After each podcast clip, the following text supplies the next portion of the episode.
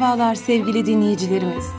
Gül iklimlerden, gül nefesler devşirdiğimiz Gülnihal'den sevgi ve selamlarımızı sunuyoruz siz değerli Gülnihal dostlarına.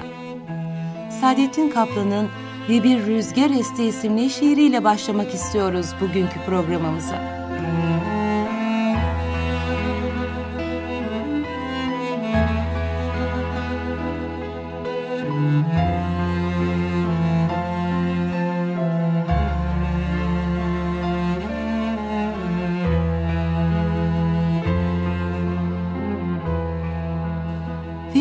Rüzgar esti, deli bir rüzgar. Bahar o bozkırda tutuşup yandı. Çağıldadı sular, tutuştu kanlar. Ve desem ki zaman sade o andı, kim anlar? Gemiler geçerdi yanı başından, başımı koyup da yattığım taşın. Bir kulübem vardı çakıl taşından, türkülerim vardı fırtınalarda. Şimdi o demleri anar, anar da döverim dizini bu dertte başın. Sular sustu, çöktü dalga kıranlar. Uğrun geçip sessiz hatır soranlar. Derler ki beyhude senin telaşın. Bir bitmeyen senfonide kemanlar. Sustu davul, sustu mehter, sustu kan.'' Desem ki çiğnedim ettiğim andı kim anlar? Bir zaman cevherden yağmur yağardı. Yaylamda yeşeren dağın üstüne. Renklerinde özge renkleri vardı. Başkaydı beyazlar, başkaydı kara. Gün başka doğardı ak sabahlara. Geceler mor mendil sunardı güne. Güller tül örerdi bağın üstüne. Aydınlık ağardı çağın üstüne. Gönül ayarlıydı ilahi aşka. Sevgiler başkaydı, sevdalar başka. Kim dönüp arkaya bakacak düne? Desem ki anılar dün beni andı, kim anlar?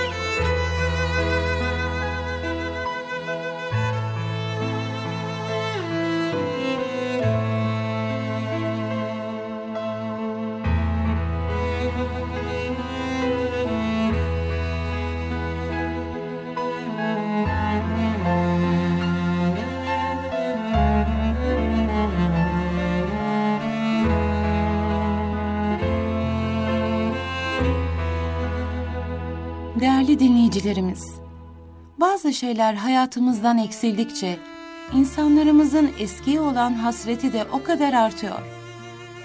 Ben çocukluğumda yaşlı insanların çocukluklarını, gençlik yıllarını hasretle andığını hep işitmişimdir.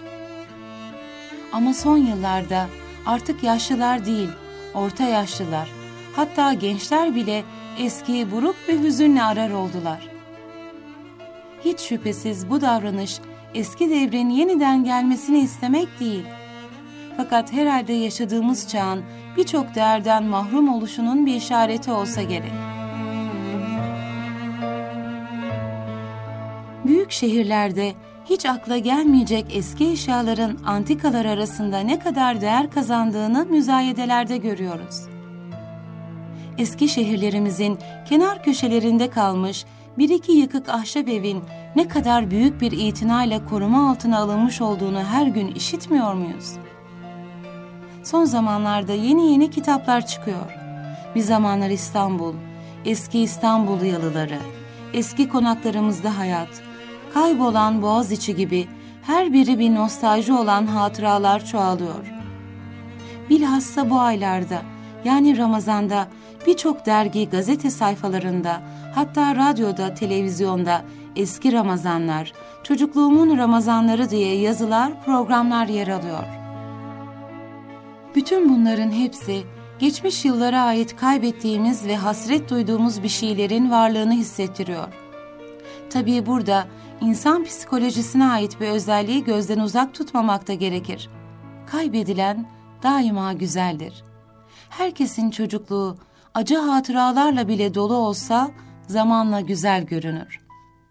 Toplum olarak millet olarak da geçmişi arayışımızda biraz da bu psikolojinin rolünü dikkate almak lazımdır. Dikkat ediyorum, şimdi biz hasretle ah eski Ramazanlar diyoruz. Çocukluğumda da ihtiyarlar aynı şeyleri söylerlerdi. Kıyas yoluyla bunu geçmiş asırlara kadar uzatabiliriz. Bundan yarım asır sonra gençler de bu günleri böyle tatlı tatlı anacaklar. Fakat onun içinde yaşayan bizler için bunun pek cazip bir şey olmadığı zannı var içimizde. Değerli dinleyicilerimiz, dilerseniz konuyu Ramazanlara getirelim. Edebiyatımızda Ramazan. Fakat daha çok bazı edebiyatçıların, yazarların hatıralarında Ramazan intibalarını vermek istiyoruz günlü halde. Eski edebiyatımızda, divan edebiyatında din büyüklerini ve devlet idarecilerini met etmek için yazılan kasideler vardı. Aslında kaside bahane. Şair yine her zaman olduğu gibi içinden gelenleri anlatacak. İşte kasidelerde şair bizce o kişiyi met etmekten ziyade nesip dediğimiz bölümlerinde söylemek istediklerini söylemiştir. Şair bahardan, kıştan, tabiattan, sevdadan bahseder. Bunlar arasında Ramazan'ın güzelliklerinden, faziletlerinden, insanların coşkunluklarından bahsedenleri vardır. Bunlara Ramazaniye deniyor. Galiba eski edebiyatımızın Ramazan'la bütün ilişkileri bu Ramazaniyelerden ibaret. Çünkü zaten eski edebiyatımızda nesir yoktu. Yoktu dediysek bir şiir kadar itinalı, sanatlı fakat bugünkü gibi anlatıma dayanmayan nesri bir tarafa bırakıyoruz. Mesela hikayesi yok. Hatta hatıra bile yok. Evliya Çelebi'nin seyahatnamesi hemen hemen tek örnek olarak duruyor. Bu bakımdan Ramazaniyelerin dışında eski Ramazanlar hakkında fazla bir şey bilmiyoruz. Dinin içtimai hayatımızda, ferdi hayatımızda muhakkak ki bugünkünden daha fazla rol oynadığı o geçmiş asırlarda günlük hayatı ancak yabancıların seyahatnamelerinden öğrenebiliyoruz. Fakat 19. asra gelince yeni nesil türleri ortaya çıkar. Dergiler, gazeteler zuhur eder ve yazarların roman ve hikayelerinde, hatıralarında, yazılarında zengin Ramazan intibaları yığılır. Peki Ramazan'da Osmanlı'nın hayatı nasıldı? Tabii zikredeceklerimiz hep 19. asırdan sonraki hayat içindedir ve hemen hemen sadece İstanbul'a has bir görüş olacaktır. Çünkü kültür hayatımızın da merkezi olan İstanbul'un dışından yani Taşra'dan edebiyatımızda Cumhuriyet devrine gelinceye kadar fazla bir bahis yoktur maalesef. Ramazan eski hayatımız içinde adeta süresi uzatılmış bir bayram gibidir.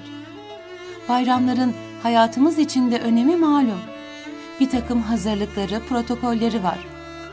Ama nihayet 3-4 gün içinde bitiyor. Halbuki Ramazan yılın mühim devresini içine alıyor. Bir ay sürecek ve bazı özellikleri olan bir hayatın hazırlığı da uzun oluyor. Bu hazırlıklar da yerlerine göre değişiyor.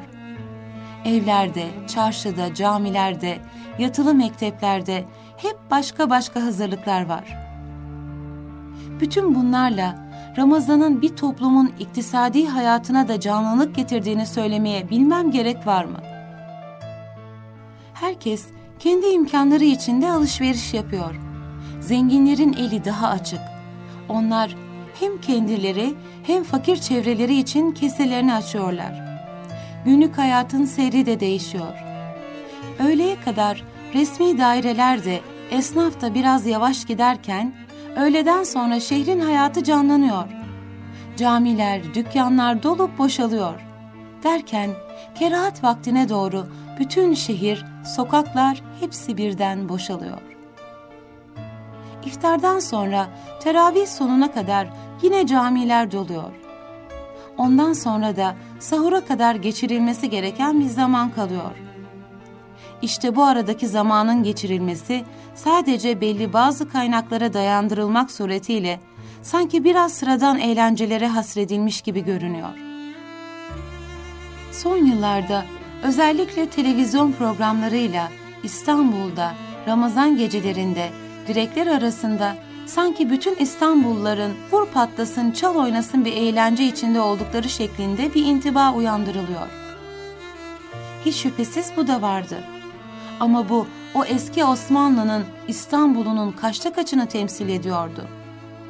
Direkler arası 3-400 metre uzayan bir sokaktan ibaretti.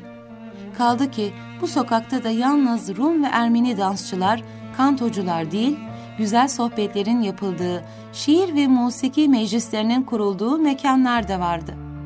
Dilerseniz şimdi sözü Orhan Okay'a verelim ve eski Ramazanları ondan dinleyelim.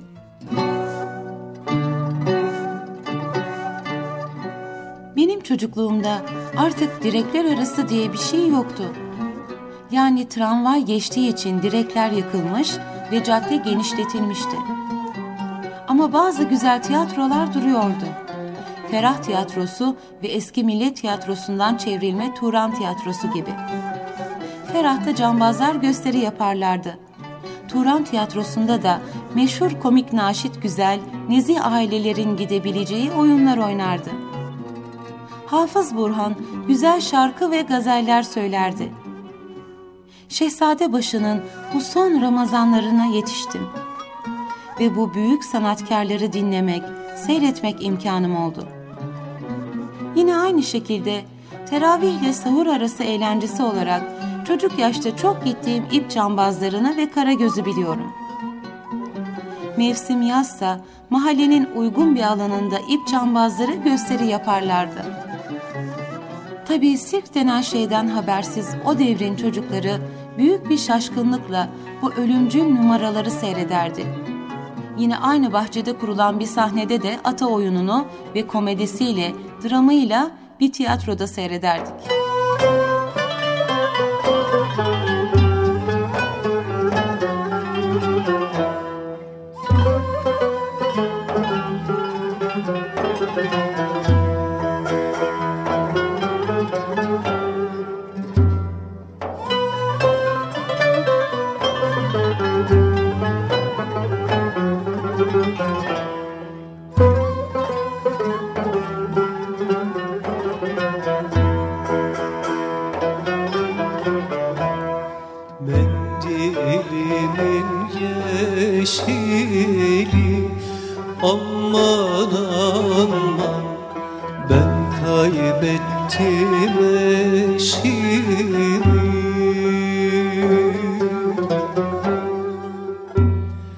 mending.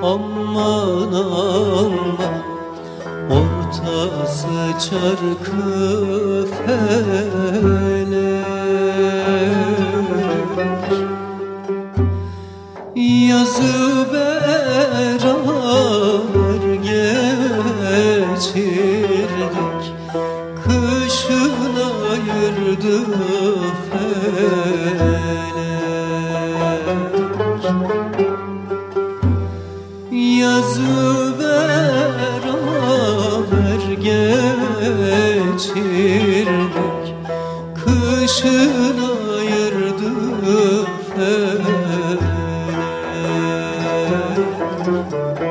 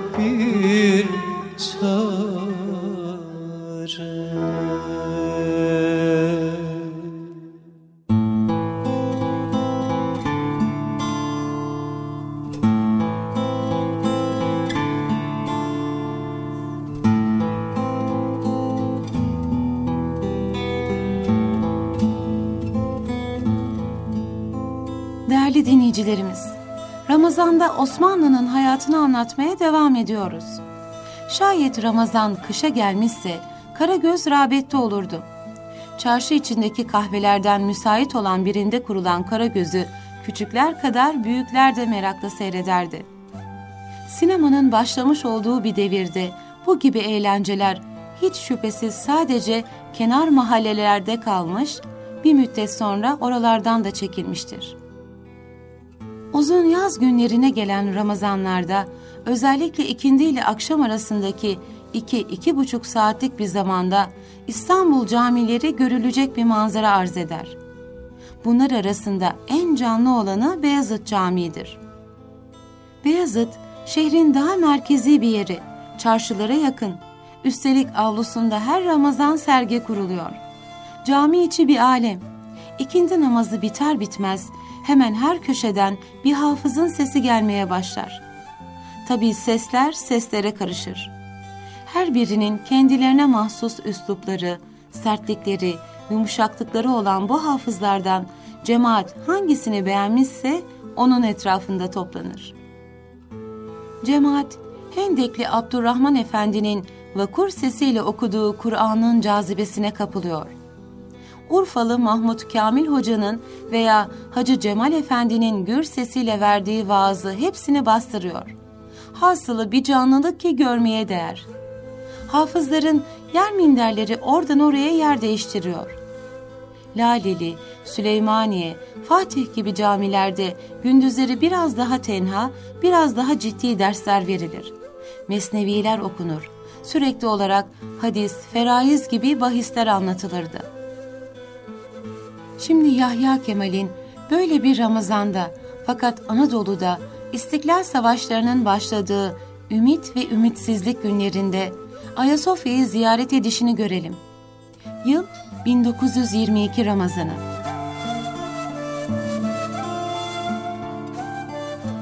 Ayasofya'da ikindiden sonra yerle beraber ve yüksek merdivenli kürsülerden vaaz eden dört vaizi kalbimin bütün samimiyetiyle dinledim. Fakat kalbimin bütün samimiyetiyle itiraf ederim ki bu vaizlerin sözleri İslam'ı neşreden ilk alimlerin sözleri gibi ateşli olmaktan uzak, çok uzak. Hatta o korun soğumuş külü kadar bile müessir değildiler. Dinin rahmetine susamış bir cemaat bu vaizlerin karşısına oturmuş, derin bir hüsniyetle bir şey söylemelerini bekliyordu. O cemaatin içinde bazı simalar seçtim ki memleketin irfanını temsil ederler. Eminim ki bu vaizleri dinlerken benim kalbimden neler geçiyorsa onların kalbinden de geçiyor. Kendi kendime dedim ki, bu gözide dinleyicilerin biri kürsüye çıksa da söylese ve bu vaiz dinlese.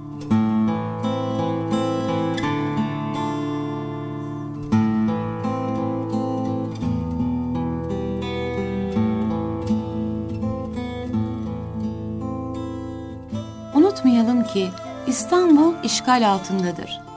Yahya Kemal vaizlerden hizmet, şehadet ve vatan müdafası üzerine vaazlar beklemektedir. Aynı anda caminin başka bir köşesinde başka bir insan dikkatini çeker. Ayasofya'da dört kürsünün önünden derin bir hayal kırıklığıyla ayrıldım. Mihrabın sağ tarafında dehliz gibi kuytu bir köşeye açılan bir kapı vardır. O kapıdan geçtim. Orada, o kuytu köşede bir nefer diz çökmüş, ellerini kavuşturmuş, gözlerini kapamış, ağlar gibi derin bir veşle dua ediyordu. Bu nefer, bu mübarek günde Ayasofya'nın bu kimsenin uğramadığı kuytu köşesini niçin seçmiş? Acaba niçin bu kadar kendinden geçerek dua ediyor? Kürsüler etrafındaki bu kalabalığa niçin karışmamış?'' Bütün bunları düşündüm, onun hüznü beni de sardı. Ben de ona yakın bir sütunun dibine oturdum. Gözlerim yalnız ondaydı. Uzun bir istiraktan sonra elleriyle yüzünü kapadı. Hıçkırıklarını zapt eder gibi dizleri üstüne düştü. Uzun bir müddet öyle kaldı. Kalbim hüzünle dolu oradan ayrıldım. Cümle kapısına doğru yollanırken yine bir sütunun karanlığında tıpkı onun gibi diğer bir nefer gördüm. Oturmuş, gözlerini kapamış, kendi başına herkesten uzak dua ediyordu. Zannederim ki bu sütunları bunlar bekliyorlar.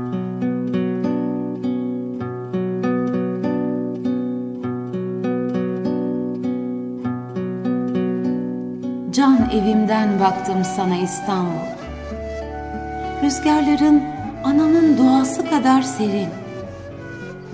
Beyaz şamdanlar gibi yükseliyordu ince kalem kalem minareleri. Bir sabah vapurlar alıp getirdi beni. Güneşteydi rengin arın. Şadırvan şadırvan aktı içime masal güzelliği surların kiraz dallarına benzer incecik, narin. Bir kız vapurda gelip yanıma durdu.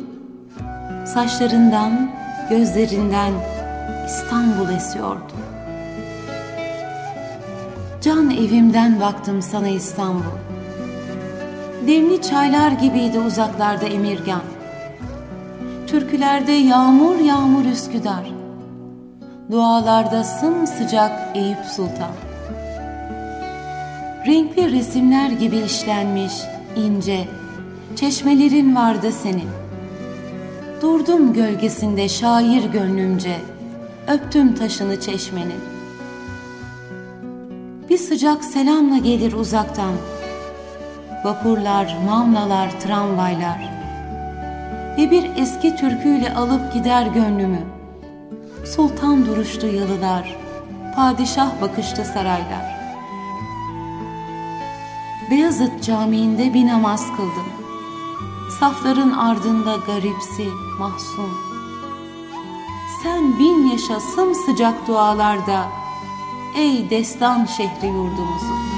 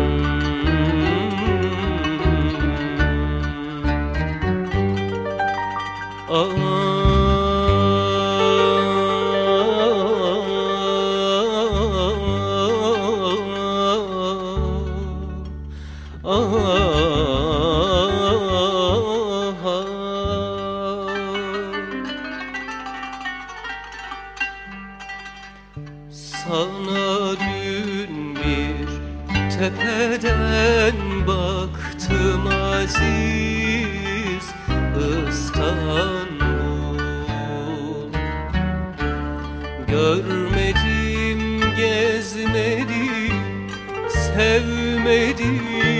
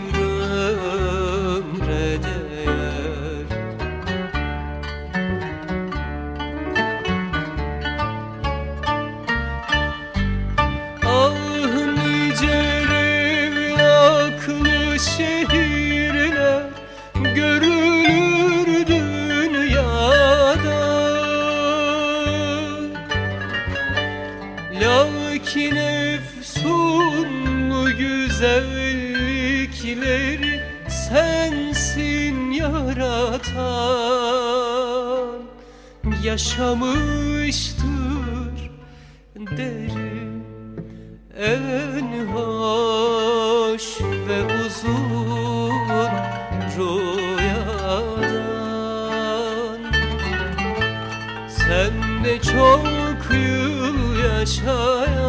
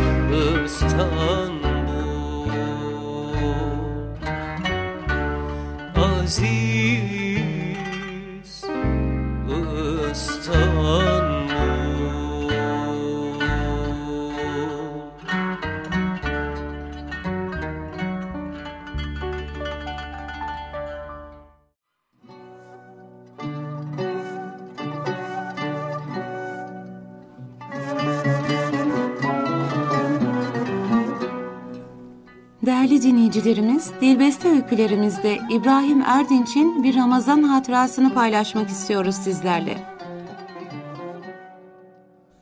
Almanya'da gurbet yılları, 73'ün sonbahar Ramazanları. Oralara gidişimizin bahanesi tuhaftır. Teknik üniversitedeki talebeliğimizde Alman hocalarımıza duyduğumuz hayranlık sebebiyle bizler Almanya'yı Kaf Dağı gerisindeki bir masal diyarı olarak görüyorduk. Sanayinin harikalar ülkesi esrarlı büyük Almanya. İlk fırsatta oraya gitmeli, o mühendislik okyanusunda yelken gücümüzü görmeli ve göstermeliydik. Kendinde kıymet vehmeden mihenk arar. Bu şekle karşı koyulmaz bir merak duygusu içimizi kımıldatıyordu. Vaktiyle Batılıların ağaç kökü kemirdiği devirde Marco Polo'yu yollara düşüren ve Kubilay Han'ın baharat buğuları içinde şiirleşmiş efsane ülkesine sürükleyen o merak duygusu. Bende ve akranlarımda bir Avrupa ve Amerika kara sevdasının yakıcı ve tüketici fitilini ateşlemiş. Yeni heveskar gençler yola çıkmadan önce iç alemlerini iyice yoklasınlar. Yıllar bol bol bulunmuyor. Evet, şu veya bu sebeple manyetik bir cazibe bizi okyanusun tuzlu esintilerine doğru çekmiş, götürmüştü. Orada ne umuyorduk, ne bulduk. Uzunca bir roman konusu. Şahmerdanların kıvılcımlı ağzıyla ateşten salyalar saçan, kömür ve asit dumanı nefesiyle ve çelik gürültüsü narasıyla kükreyen, o bir dudağı yerde, bir dudağı gökte sanayi devi öz ininde görmek bize ne kazandırdı? Bunları da başka bir yazıda anlatmak isterdim.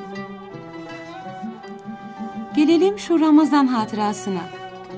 Güney Almanya'da küçük bir kasabada çalışıyorum. İşimle pansiyonumun arası 5-6 kilometre.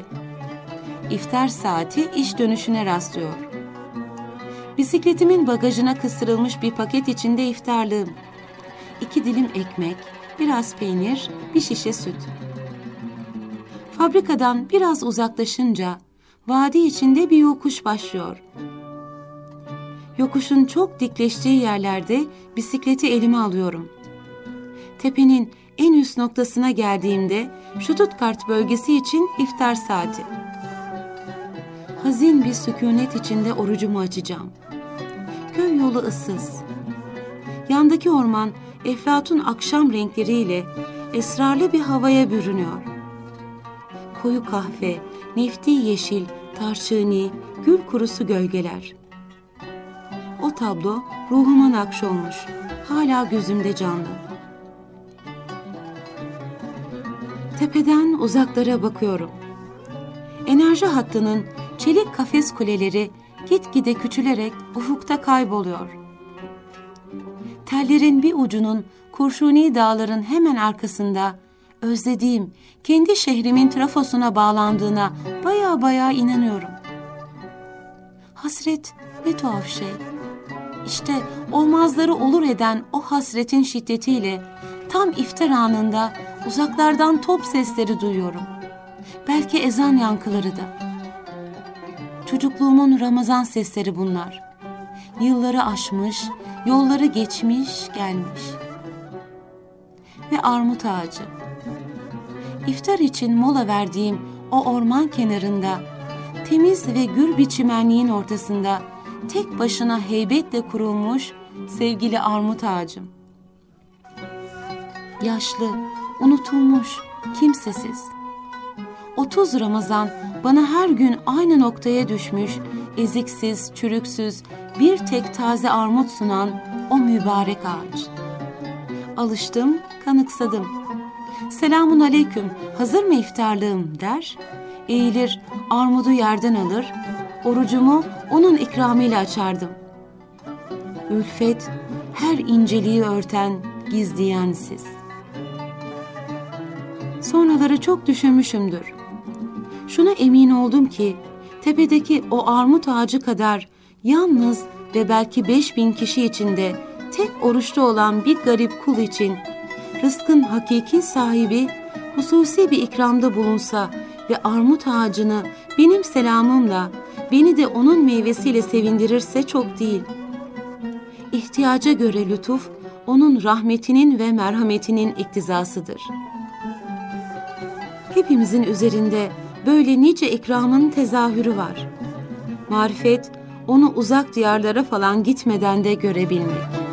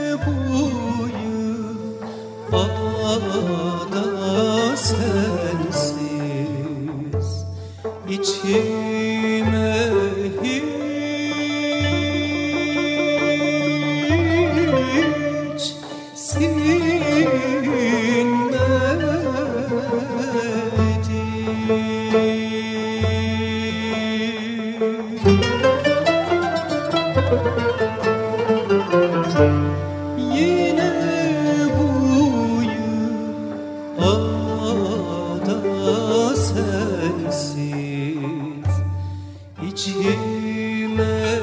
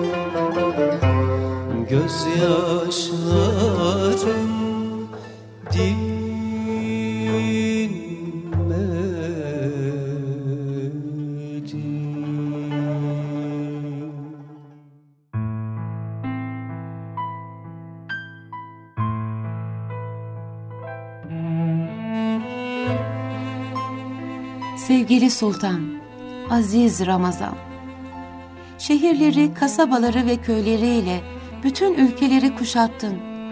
Bu ne sessiz, bu ne zengin bir kuşatma. Senin erlerin ne kadar güzel. Merhamet, şefkat, muhabbet, hürmet, fedakarlık, yardımlaşma, ihsan, ikram, izzet, fazilet ve izmet nişanlı, nefes gibi, ışık gibi erler bereketli adımları, diriltici soluklarıyla girdiler şehirlere, kasabalara, köylere, senin bu güzel erleri. Sevgili Sultan, ayet ayet, sure sure yürüyüşteler bu güzel erler. Kulaklardan gönüllere, gönüllerden idraklere ulaşan bu mana erleri, bütün davranışları tam zapt ettikleri vakit gerçek ruh saltanatı kurulacak demektir. Aziz Sultan, senin kutlu erlerin girdikleri gönülleri bir kitap nizamı içinde satır satır, sayfa sayfa, forma forma derleyip toparladıkları zaman onları saf saf bir musaf düzeninde arzda yerleştirdiklerinde zaferin tam olacaktır. Sevgili Sultan, gündüz kuşatmaların ne kadar asilce. Gözler, kulaklar ve diller bir disiplin dairesinde. Bakışlar ibret dolu. Kulaklar hikmet dolu. Diller altın sikkeler basar durmadan. Davranışlar ölçülü, tartılı, alabildiğine ağır başlı. Sanki sokaklar, caddeler, meydanlar meleklerin ruhi yönetiminde.'' Akşama yollar evlere doğru yönelir. Evler evlere karışır. Nice gönüller eller sofralarda buluşur. Sofralar büyür, genişler. Sofralar bereket, rahmet çağlayanı kesilir. Sofralar şefkat, merhamet şöleni olur. Melekler bu sofralarda gönülleri birbirlerine lehimler, kaynak yapar. Tanıdıklar çoğalır.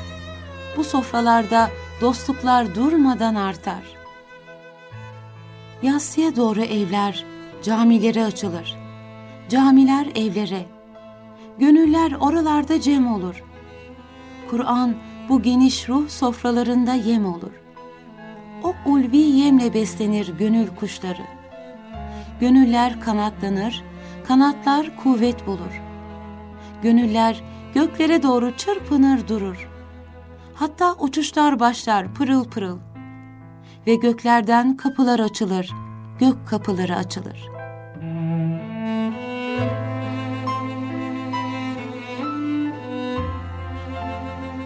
Arzın bağrında camiler bir kalp gibi büyür. Bedenlere kan dağıtan, can veren bir kalp gibi çalışır mabetler. Sokaklara, çarşılara, evlere gönderir gönülleri. Bir akciğer gibi çalışır mabetler. Göklerin soluğunu çeker. Göklerden can bağışlar cemaatine. Artık her yer uhrevidir. Canların mayası aşkı ilahidir.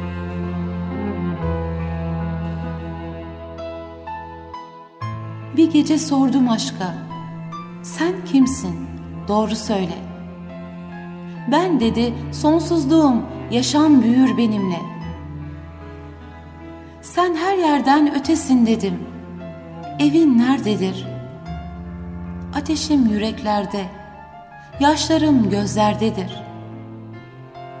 Sürdüğüm boyalarla tüm yüzler olur al. Sevdiğim küheylandır, müjdeleri benden al. Aşk bu bakır altın olur, tatlıya dönüşür acı. Tortuyu şerbet yapar, sancıyı kendi ilacı. Aşk bu, hastayı dirilten, hükümdarı köle eden. İlahi aşk bilmekle olur. Tahta çıkılmaz bilip sevmeden.''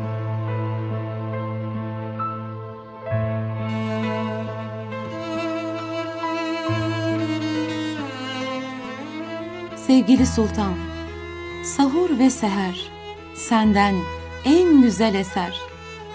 Zaman bir sihirdir artık. Mekan cennetten bir şehirdir artık. Yıldızlar, rüzgar, ışıltılar, esintiler, melek yüzleriyle aydınlanan ufuklar. Hep taze bir gün, turfanda bir zaman, seher salonunda insan.'' Göklerin seheriyle mecnun ruhlar. Dünya seherine yakın kıyılarda Kur'an sofraları kurup kalplere, kafalara ziyafetler çeker. Bu seher sofrasının teşrifatçıları kutsiler, ellerinde, dillerinde, gönüllerinde Kur'an, meleklere, insanlara cennet nimetleri sunar. Bir ipek tül gibi göklerden düşen seher aydınlığıdır artık kıyamlarda, rükularda, secdelerde, yüzlerden, omuzlardan dökülen bir seher aydınlığıdır. Bu aydınlıkta her gönül bir nur çağlayanıdır artık. Göklerin tayflarla süslü bir ışık çağlayanıdır gönüller. Ufuklar iyice aydınlanır, denk edilir. Nefisle gün boyu yaman bir cenk edilir. Yine zafer savmu selatındır. Ey aziz sultan! Yeni bir iftar, o kutlu askerlerinle gelen nurlu beratındır. Değerli dinleyicilerimiz, bugün de bizlere ayrılan sürenin sonuna geldik. Her zaman olduğu gibi dimağınızda bir tat, ruhunuzda bir iz bırakabildiysek, ufkunuzda küçük ama küçücük bir pencere açabildiysek ne mutlu bizlere. Haftaya aynı saatte buluşmak dileğiyle alasmarladık.